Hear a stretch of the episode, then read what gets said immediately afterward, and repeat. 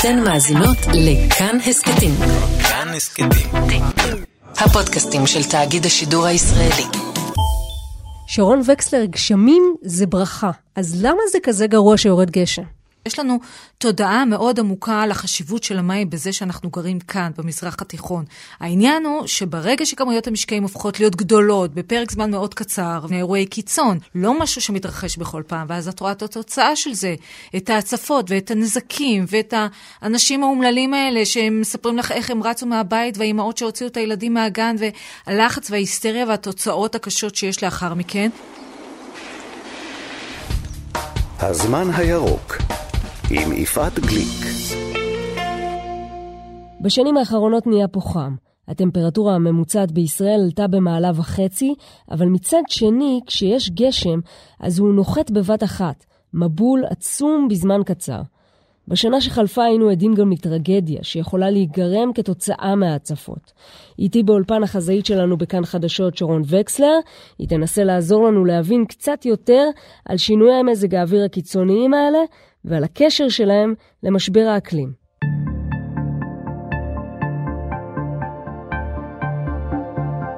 אנחנו כרגע מתמודדים עם כמויות מים גדולות מאוד שיורדות בפרקי זמן קצרים. מערכות הקליטה לא יודעות לקלוט כמויות מים גדולות כאלה. זה הבית שלי עכשיו, הכל מוצף, הכל נכנס לי לחדר. אם בו הערב החלו גשמים כבדים לרדת באזור נהריה, ורחובות בעיר מצפון לגעתון הוצפו במים. יצאנו החוצה מהחדרים וגילינו שכל הסביבה פה, הכל היה מוצף, כל הרהיטים התחילו לשוט פה ולהסתובב. קשה.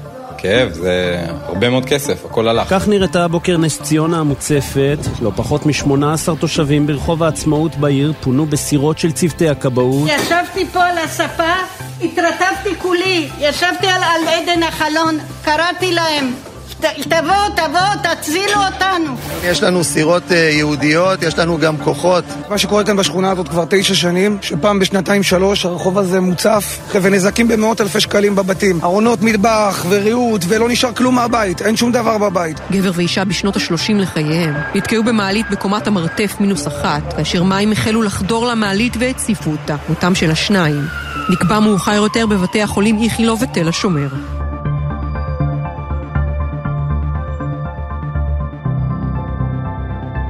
אירועי קיצון זה משהו שהיה לנו תמיד. זה לא משהו חדש, תמיד היו אירועי קיצון, תמיד היו אירועים יוצאי דופן. העניין הוא שפתאום יש תחושה בשנים האחרונות שאירועי הקיצון האלה הופכים להיות דחופים יותר. כלומר, אם בשנה שעברה, בשבוע אחד, יש את אסון המעלית ויש את האסון בנהריה, באותו שבוע, והשבוע בשבוע אחד, את, ה, את הכמויות האדירות האלה שירדו בין כרמל והצפות בנס ציונה, ומה שהיה לנו בפחות משבוע. את כמויות המשקעים המטורפות שהיו בשלושה מוקדים. זה כמובן קשור למשבר האקלים אה, ולהתחממות הגלובלית. ואת יודעת, אה, אני כל הזמן מדברת על זה ו- ומסבירה, ואני גם חוטפת אה, מכל הכיוונים על הדבר הזה. באמת? מה? כן. כי הסיפור הזה של משבר האקלים, יש בו משהו מאוד אמוציונלי, אוקיי? האנשים שזה מאוד מטריד אותם ומאוד מפריע להם, מרגישים שלא מדברים על זה מספיק. וכל הזמן באים בטענות, למה את לא אומרת? למה את לא אומרת משבר האקלים? עכשיו, לא כל דבר זה משבר האקלים. כלומר, אם פתאום יש uh, גל חום, אוקיי? זאת אומרת, זה לא, זה לא הוא בהכרח לא בהכרח, הוא לא בכלל, הוא לא בהכרח, אבל אם אנחנו רואים שזה משהו שחוזר על עצמו שוב ושוב ושוב ושוב ושוב, זה כן, בסדר? אז מי שמאוד פרו אה, משבר האקלים, נקרא לזה ככה, אז נורא כועס שזה לא נאמר מספיק. אבל יש המון ספקנים שנקראים באנגלית denier, כן? מכחישי אקלים, ו... הם כאילו בקטע של הספק. ויש, זה, זה סיפור נורא מורכב, כל הסיפור הזה של משבר האקלים, אבל כל האלה שמתנגדים לזה, אז, אז כאילו בטוויטר בימים האחרונים, מאז שאני אומרת כל הזמן משבר אקלים, משבר אקלים, אז, אז כל הזמן יורדים עליי, ואת משקרת, ואת מביאה אינפורמציה לא נכונה, ו- ואת מרמה את הציבור, אז בואי נשים דברים על דיוקם. קודם כל, אה, הגורמים הכי בכירים שמתייחסים למשבר האקלים, שזה במקרה הזה ה-IPCC, הפאנל הבינלאומי לשינויי האקלים של האו"ם, שהוא חובק למעלה מ... 110 מדענים מכל העולם שמתייחסים למשבר האקלים. זה כאילו גוף מאוד מאוד מרכזי, שכולל מדענים מכל העולם. אז מה הם אומרים?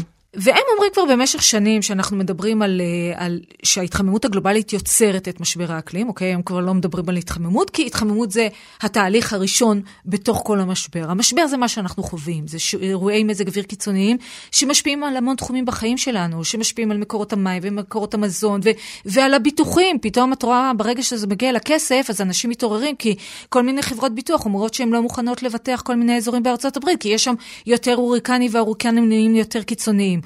אז זה מתחיל, זה, זה דבר שהוא הולך ומתגלגל כמו כדור שלג, סליחה שאני משתמשת בביטויים של אה, מזג אוויר בעניין הזה.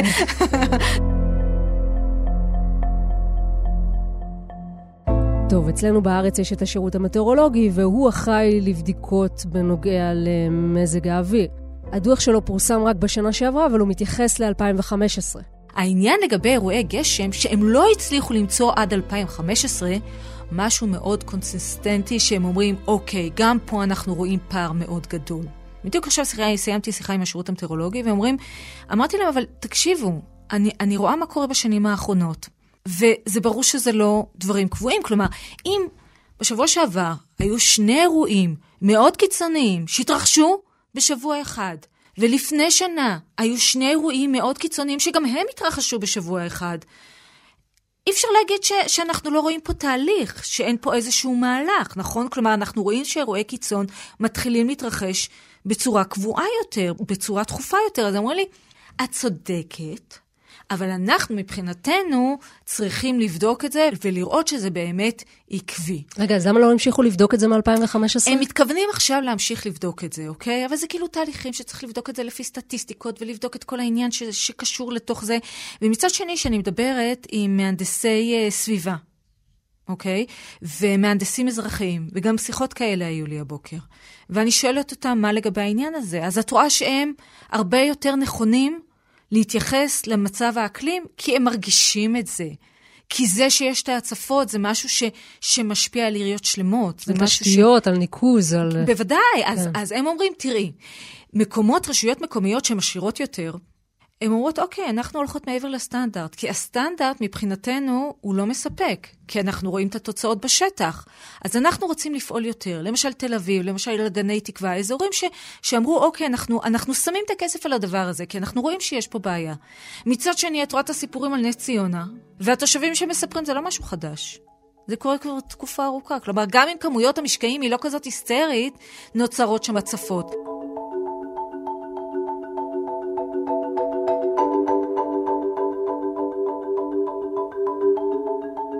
פשוט רואה, ש, ואני חושבת שאנחנו כולנו רואים את זה, ש, שהכמויות משקעים, זה הופך להיות בפחות ימים, וזה השירות המטאורולוגי אומר, כן? יש לנו פחות ימי גשם. זה הם אומרים כן באופן חד משמעי.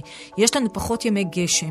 אבל ברגע שיורד גשם, הוא גשם היסטרי, כאילו אנשים אומרים, וואי, היינו בלחץ, שמענו את הגשם, התעוררנו בלילה, כאילו...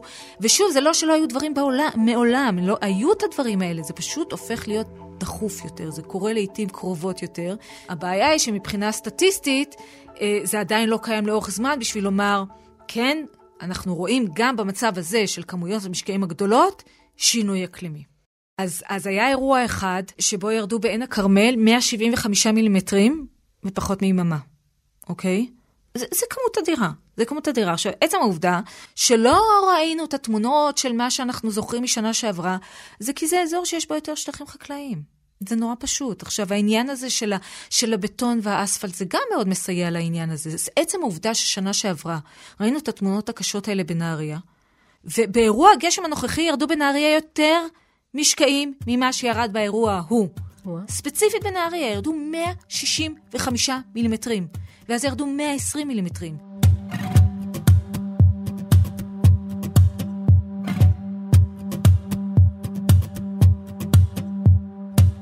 מתי התחלת להיות חזאית? אה, 50 שנה, סתם. פחות, אבל הרבה זמן. הרבה זמן. לפני שנתיים, כשהתחלת להיות חזאית, זה היה, היו אירועי קיצון כאלה? מה את זוכרת מאז?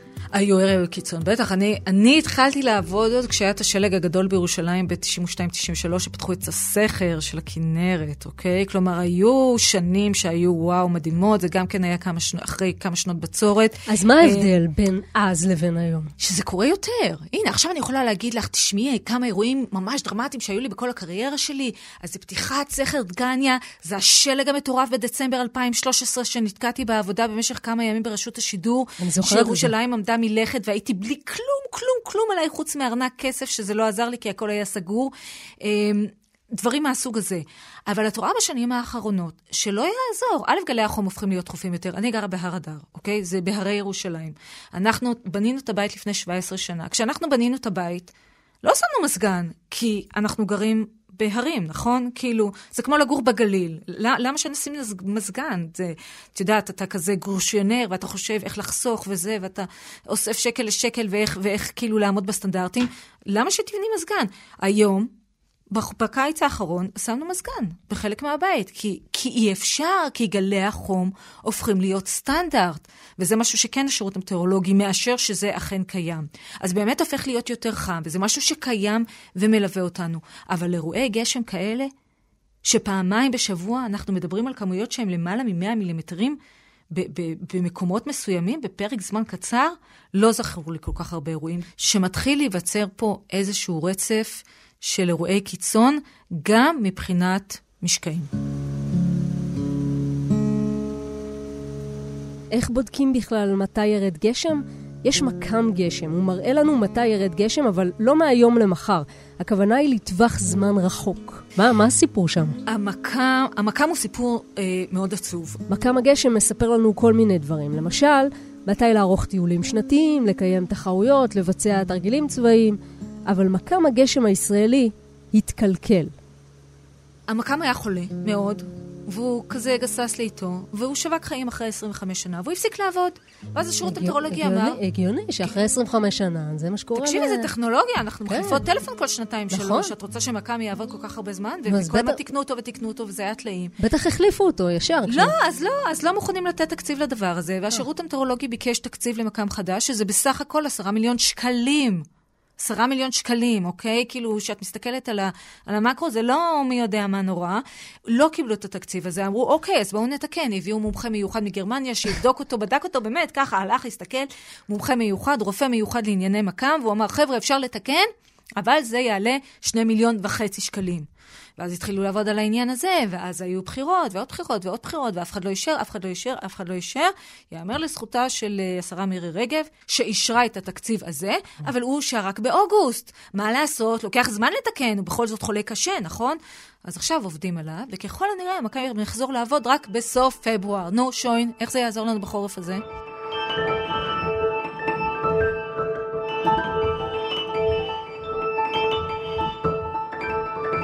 מה צפוי להיות בעתיד? תקשיבי. לאן אנחנו, לאן אני אנחנו הולכים? חזאית, אבל זה על חמישה ימים קדימה. תראי, זה... אה, מגדת עתידות זה לא... לא, לא, אה, לא, התחום לא. הזה משהו אחר. אם אנחנו מסתכלים על התחזיות שמתייחסות למשבר האקלים, אוקיי? ואנחנו מתייחסים לגורמים מאוד רציניים, אז התחזיות הן לא חיוביות. יחד עם זה, נקודת האל חזור שלנו, לפי IPCC, זה ב-2030. זה לא עוד הרבה זמן. וכדי שלא נגיע לנקודת האל חזור, צריך לפעול כמה שיותר מהר כדי להתחיל לשנות בעיקר את מערך האנרגיה בעולם. עכשיו יש בשורה משמחת שאנחנו רואים את השינוי בארצות הברית. אה, כי טראמפ הוא היה גדול המכחישים של משבר האקלים, הוא גם פעל ממש נגד הסיפור הזה, הוא לא הסכים שאנשים שמבינים בסביבה בכלל יהיו חלק מקבלת ההחלטות של התכנון. הוא מנע מהם את הכניסה, וביידן שם את זה בראש מעייניו. כלומר, אחד הדברים המרכזיים שהוא אמר בנאום הניצחון שלו, שכבר זה היה נראה שהוא הולך להיות, הוא הזכיר את האקלים במקום הרביעי שצריך לטפל בו. כן. אחרי הקורונה. ומיד מינה את אה, קרי. את קרי, כן. כן, מישהו שהוא מוכר, לא, לא מישהו זעיר, אלא מישהו שהיה מזכיר המדינה. אצל אובמה, הוא גם בזמנו חתם גם על הסכם פריז. אז הוא מתייחס לעניין הזה מאוד מאוד ברצינות. זה מאוד משמעותי, כי ארצות הברית היא השנייה המזהמת בעולם אחרי סין. היא המעצמה המערבית הגדולה ביותר, העשירה ביותר, אז יש מאוד משמעות שהיא תיקח חלק בתוך המשחק הזה. כי זה גם אומר שצריך לעזור למדינות שמניעות יותר. צריך לשים כסף על השולחן. לכן טראמפ כל כך לא רצה להיות בתוך המשחק הזה. אז אם ג'ו ביידן, נשיא ארצות הברית הנבחר, בא ואומר, אני בתוך הסיפור, אני מתייחס לזה ברצינות, אני ממנה את ג'ון קרי אה, לטפל בנושא האקלים, זה כבר התייחסות אחרת. מהבחינה הזאת זה מאוד מעודד. אז עכשיו את יודעת, אנחנו נמצאים בנקודה מאוד קריטית, מאוד מאוד קריטית, לראות שאנחנו עושים משהו בעניין הזה. אני רוצה להגיד אה, שגם חשוב מה אנחנו עושים, את ואני. אנחנו באמת יכולים, להש... יכול... יש לנו את היכולת הזאת להשפיע על זה שלא יהיו הצפות, על זה שלא יהיו מטחים של גשמים? או שזה לא, סתם? זה לא, זה לא. כי אם אנחנו כבר נמצאים בתוך התהליך האקלימי ושינויי האקלים, זה יותר בעייתי. אבל אנחנו יכולות להשפיע על הדברים הקטנים. את יודעת, אנחנו יכולות למחזר יותר, אנחנו יכולות להשתמש בפחות פלסטיק, אנחנו יכולות לאכול פחות בשר בקר. אני לא אומרת להיות צמחונים, גם אצלי בבית אף אחד לא צמחוני. אבל בשר בקר הוא אחד הדברים הכי מזהמים, כי הוא צריך שטחי מחיה מאוד גדולים. את בעצמך עשית על זה תחקיר מאוד רציני על העניין הזה. צריך לשנע את הבקר. עוף מהבחינה הזאת הוא הרבה פחות מזהם. אמ, אז יש דברים קטנים שאנחנו יכולים לעשות, וזה מעבר לכל הסיפור הגדול של משבר האקלים, זה כדי שהאוויר שאנחנו נושמות, שהילדים שלנו נושמים, יהיה נקי יותר, האוכל שאנחנו אוכלות יהיה נקי יותר. זה דברים קטנים שאנחנו יכולים לעשות, בנוסף לזה שאנחנו יכולים, את יודעת, לנער את העץ ולהגיד, חבר'ה, תסתכלו על זה, כן? למקבלי ההחלטות, תסתכלו על מה שקורה פה, ותתחילו לשנות גם, כן? גם בארץ יש דרכים לעשות הרבה יותר ממה שאנחנו עושים.